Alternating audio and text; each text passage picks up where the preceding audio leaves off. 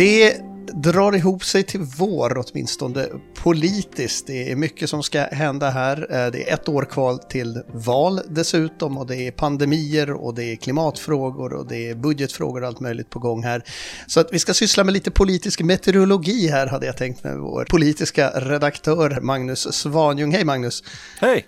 Du lyssnar på Nyhetspodden med mig, Thomas Selén. Eh, men istället för att nu uppehålla mig vid meteorologiska termer så tänkte jag börja med en gamblingterm och fråga dig, vad är ditt stalltips? Håller regeringen ens ihop den här våren? Det är alltid farligt att uh, spekulera, uh, men uh, jag kunde kanske säga så här, och det här är nog en bedömning som många gör också inom regeringen, att håller regeringen ihop den här våren, så då finns det goda chanser för att den håller ihop också under resten av valperioden, det vill säga fram till riksdagsvalet nästa år. Vad beror egentligen på ens att vi har sådana här spekulationer på gång om den här hållbarheten? Vad är det som har hänt? Ja, men det är väl kanske lite en skiva som har hakat upp sig det här också, som beror på nu att eh, bland annat att man kommer ut från Centern hela tiden och lite hot hota med att lämna regeringen. Det finns liknande röster i de gröna. Men sen har det väl också blivit det nya normala och det här är inte nytt för den här regeringen utan vi har sett det några regeringar nu att när man har ett lite svagt Uh, ideologiskt eh, lim eller när det finns starka motsättningar i regeringen så blir det ett sån här eh, spekulationsrum. Det är väl också kanske lite för att det är roligt för oss politiska nördar att sitta och gissa när regeringen ska falla. Men det finns ju alltså faktiskt riktiga frågor. Det är, det är liksom vad ska jag säga, tvistefrågor som eventuellt kan bli svåra. Vad skulle du säga är de här viktigaste frågorna som kommer här i vår? Ja, alltså eh, den här våren, så dels sammanträder ju riksdagen nu eh, för vårsessionen och de kommer få en massa eh, nya lagförslag av regeringen och det beror på att vi börjar hamna nu liksom i, i slutet av den här regeringsperioden och lagar helt enkelt börjar vara färdiga för att ges till riksdagen och här finns eh, flera sådana här stora saker som man har väntat på, gruvlagen, klimatlagen, translagen och så vidare. Ehm, ändå är det väl kanske så att de riktigt stora tvistefrågorna den här våren som kommer att avgöra eh, om regeringen sitter kvar, de handlar om ekonomin och sysselsättningen eh, och eh, om klimatet. Och de här kommer att komma lite så här tripp, trapp, trull här nu under våren. Det allra första man nu måste lyckas hitta en lösning på eh, har deadline i mitten av eh, februari och det är att man måste eh, presentera de på något sätt slutliga sysselsättningsåtgärderna. Det har ju varit ett av de, här, eh, de stora eh, målen för den här regeringen, att skapa de här nya jobben är ett beslut som man har skjutit upp liksom, gång på gång. Nu ska man komma med något slags lite hårdare äh, sysselsättningsmetoder som ska spara pengar. Det sägs att de ska spara 110 miljoner. Så det är väl den första liksom, anhalten här. Vad är rimligheten i att det faktiskt går med tanke på att det har varit en pandemi här som lite har styrt om vissa planer om man uttrycker det så? Ja, alltså när det gäller de här sysselsättningsåtgärderna så finns väl en stark vilja i varje fall. Här är, är väl motsättningarna kanske mellan eh, Centern och SFP som har talat för lite tuffare sysselsättningsåtgärder som kan innebära någon slags åtstramningar när det gäller den inkomstbaserade arbetslöshetsersättningen. Medan då eh, vänsterpartierna och de gröna kanske hellre har sett eh, sådana här, ska vi säga mjuka åtgärder. Um, det här E är ju någonting man har kommit överens om redan i regeringsförhandlingarna, i regeringsprogrammet. Man har hittills alltid lyckats hitta kompromisser. Men en sak som gör det här kanske lite svårare den här våren är att man nu har skjutit upp det så länge att, att vi nu kommer in i ett läge där vi också har, har en ganska allvarlig situation på arbetsmarknaden. Det kan ligga liksom lite olika strejkhot och sånt i luften och, och, då blir det ännu svårare för vänsterpartierna att till exempel reta upp eh, människor med nedskurna arbetslöshetsersättningar och sånt. Just det. All right, och då har vi sysselsättningsåtgärden som är en tung fråga, men du nämnde att det fanns flera delar i den här trappan. Äh, nästa anhalt kanske i regeringens gatlopp blir klimatpolitiken. Det var ju så att i höstas hade man väldigt, väldigt tuffa förhandlingar. Det, var egentligen budgetförhandlingar, men man hade liksom kopplat ihop det med de här klimatmålen, att Finland ska bli koldioxidneutralt 2035 och vad man då i praktiken ska göra för att nå det här. Eh, de gröna och vänstern var inte riktigt nöjda med de resultat man fick. Men äh, man la in en sån här klausul att man ska utreda nu fram till mars i år om de eh, åtgärder man har kommit överens om hittills, om de verkligen är tillräckliga. Och det är inte så att man bara själv ska spekulera i det här, utan bland annat Finlands klimatpanel ska då komma med, med, med någon slags äh, svar på den här frågan. Och här finns det nog ett väldigt starkt tryck från de gröna framför allt, säkert också från vänstern, eh, att, att man måste ytterligare på något sätt skärpa klimatpolitiken, till exempel när det, när det gäller bränsleskatter och annat, annat sånt här. Och här, det här är frågor som är väldigt, väldigt svåra för Centern då framför allt. Mm. Ja, jag tänkte ju säga det, att de har ju säkert helt olika anledningar till varför de har så att säga, problem med klimatåtgärderna. Men om vi ska titta lite snabbt på de gröna bara, det här borde ju vara deras, liksom, det här är deras fråga. Kan man tänka sig att de kommer att liksom skjuta med de tyngsta kanonerna nu? Ja, alltså, um, det finns ju två riktigt stora problembarn i den här regeringen om man ser det ur de andra eh, partiernas perspektiv och det är de gröna eh, och Centern. Och en av de frågor där de här partierna har svårast att komma överens eh, så är förstås klimatpolitiken. Eh, och det här försvåras kanske av att det för det ena av de här partierna gick väldigt bra i det senaste valet, välfärdsområdesvalet, det vill säga Centern, och för det andra partiet gick det liksom verkligen, verkligen illa, det vill säga de gröna. Och inom, inom de gröna har man nu eh, en intern diskussion om vad det är som har gått fel. Har man liksom på något sätt eh, glömt sina ideal? Har man glömt eh, klimatpolitiken? Varför sitter man överhuvudtaget med i en sån här regering om man inte får igenom sina krav i klimatpolitiken? Så att man har nog all anledning, tror jag, nu att, att sätta sig på tvären och då är det... När du säger sätta sig på tvären, så vad är det liksom, vad är det så att säga man vill åt med det här? Tycker man att man inte har gjort tillräckligt? Borde man liksom ha flera, eh, högre skatt på bränsle eller vad är det gröna kommer att trumma på tror du?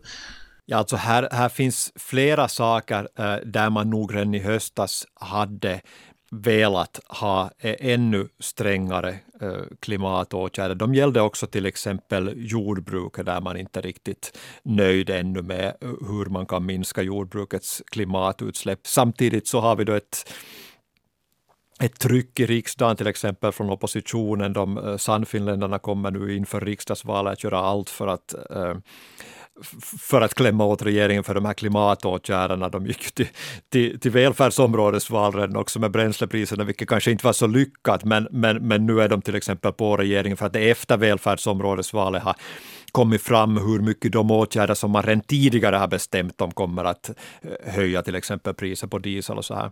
Just det, så då kommer det att bli en hel del krig även här, vare sig det är sysselsättning eller klimatkriser. Men då har vi då nästa del i gatloppet, för du nämnde tre. Ja, ah, eh, den hänger kanske lite samman med sysselsättningsmålen, men då, då, då, tänker jag liksom på den ekonomiska politiken i stort. Och um, i april eh, är det dags för, för regeringens rambudgetförhandlingar, eh, de sista. Där ska man då ännu en gång återkomma till svåra frågor som man har skjutit framför sig. Eh, den kanske svåraste frågan är hur man ska liksom återgå till regeringens egna eh, ramar eh, för, för ekonomin nu efter att man har ju liksom verkligen haft penningkranarna öppna under, eh, under den här pandemin och då har man liksom kunnat skylla mer eller mindre allting på pandemin, även om man har öppnat kranarna lite åt alla håll så här. Men nu har man då fattat ett beslut om att man ska spara eh, 370 miljoner Eh, samtidigt så finns det ett oerhört tryck på att man egentligen borde, borde hitta nya pengar för till exempel sånt här som kulturen ehm, och vetenskapen på grund av inkomstbortfall från, från Veikkaus och så vidare. Och, och det här är förstås sådana sådana sektorer som det inte är lätt att skära i eh, inför ett riksdagsval. Det vill säga det är alltid svårt att fatta svåra beslut i slutet av, av en regeringsperiod eller en valperiod.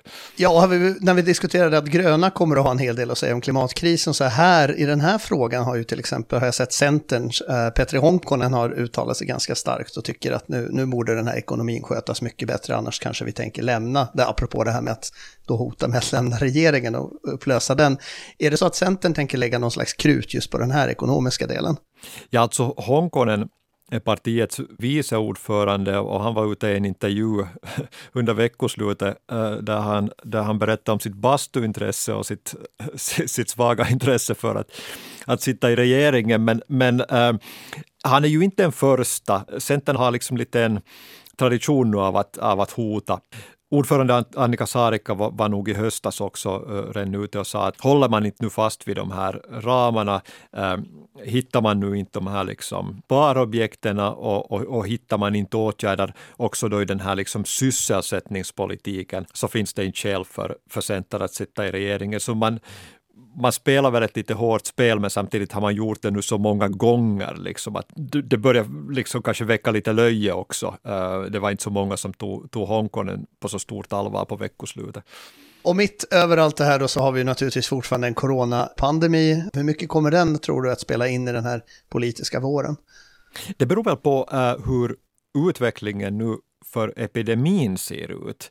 För tillfället nu så är man på väg att att avveckla de här restriktionerna och hoppas väl kanske säkert inom regeringen att man inte behöver se dem mera den här våren. Men här, man är ju ständigt lite efter och här finns liksom ett sånt här problem nu till exempel att de, de saker man nu äntligen har fått genom riksdagens lagstiftningsmaskineri som till exempel det här kravet på vaccinering för vårdare. Plötsligt så har liksom mattan lite dragits undan det nu när man uh, ser att de här vaccinerna inte skyddar mot att sprida smitta och då kanske det inte finns liksom längre riktigt uh, grundlagsenliga skäl, skäl för det här. En sak som lite har bubblat sådär under ytan, kanske inte riktigt har exploderat än, men det är ju många som har sagt att det är egentligen problemet med vården och hur den är upplagd egentligen redan innan pandemin drog igång, som har lett till att vi har den här situationen. Nu tror du att vårdfrågan på något vis kommer att eventuellt bli en sån här pinne man kan slå på regeringen med? Ja, framför allt så kommer den säkert ännu en gång att bli en valfråga inför nästa riksdagsval. Eh, jag tror att eh, nya familje och omsorgsministern Aki Lindén när han tillträdde talade om det här också uttryckligen, det här behovet av att man måste bygga om, upp den här liksom beredskapen, att, att en, en orsak till att den här eh, epidemin har varit svår att sköta fortfarande nu är ju att beredskapen inom sjukvården har varit alltför dålig. Nåja, men då har vi sysselsättningsåtgärderna, vi har klimatkrisen, vi har en massa ekonomiska diskussioner att föra och så lite coronasalt på det. Så det finns en hel del liksom sakfrågor att bita i. Men om vi ska titta lite sådär personspelet då. Eh, vad skulle du säga, vilka blir de viktigaste spelarna i regeringen den här våren? Eh, Sanna Marin är ju, är ju den här lagledaren som ska hålla ihop eh, det här. Um, de viktiga spelarna är förstås kvintetten som består av partiledarna eh, för regeringspartierna. Sanna Marin, eh, Annika Saarikko eh, från Centern, Emma Kari från de gröna som inte är partiledare men hon är partiets ledare i regeringen. Ehm, Li Andersson förstås som undervisningsminister har haft en väldigt stark roll nu i, den här coronakrisen Äh, Anna-Maja Henriksson som, som justitieminister. Nu nämnde jag ju faktiskt äh, alla som sitter i kvintetten, men det, det, det, är ju, det är ju de som har den, den ledande rollen, men säkert kommer vi att se att att det där Annika Saarikko och Emma Kari kommer att komma ihop sig och, och det där Sanna Marin kommer att vara sur på att de inte lyckas lösa sina frågor sinsemellan. Sen ska vi inte glömma bort att vi har en opposition någonstans där utanför som cirklar också. Samlingspartiet, färskaste valsegraren, det gick bra för dem i det här välfärdsområdesvalet. Vad tror du de kommer att göra här nu i vår? Hur kommer de att bete sig? Ja, men de har all anledning att fira julafton. De har ett eh, starkt valresultat eh, i ryggen. De siktar in sig på att bli störst i riksdagsvalet nästa vår. Eh, och deras frågor, eh, deras kärnfrågor ligger så starkt på agendan under våren, det vill säga sysselsättningen och ekonomin, så de har alla, alla chanser att sätta åt regeringen med interpellationer och annat. Och sen då Sannfinländarna, de gjorde inte riktigt lika bra ifrån sig under det här senaste valet, men som vi konstaterade då i tidigare samtal vi hade om det här, så är det inte nödvändigtvis riktgivande sen för hur resten av politiken kommer att vara. Vad tror du om Sannfinländarna nu och deras agerande? Jag tror att eh, en sak som kommer att eh, vara lite vägledande för hur Sannfinländarna kommer att bete sig i åren när de första galluparna efter välfärdsområdesvalet börjar komma, alltså gallupar som mäter deras stöd äh, inför riksdagsvalet. Alltså nu äh, är det ju inte glada miner i det partiet. Men det var helt klart att de fick liksom inte fram Eh, sina frågor i välfärdsområdesvalet. Nu har de, som vi kanske var inne på tidigare, lite större skäl att prata om till exempel bränslepriserna. Här kommer också en del lagförslag under våren som gäller familjeåterföreningar och annat som, som gör att de kan få fokus på invandringspolitiken. Um, och så, men riktigt hur nervösa och, och stingsliga de, de kommer att uh, vara, så, det, så det, det kommer säkert att synas så småningom när vi börjar se gallupar. En tung vår, alltså mycket som ska hända och mycket potentiella liksom så här stötestenar. Men vad ska man säga, är det här nu liksom upptakten till eh, valåret? Kan man, kan man säga det redan nu? Det är ju april 2023 när det är riksdagsval, lite drygt ett år då i alla fall. Är det ett valår redan, kan man säga så? Ja, herregud, frågar man folket så, så tror jag inte att det är ett valår.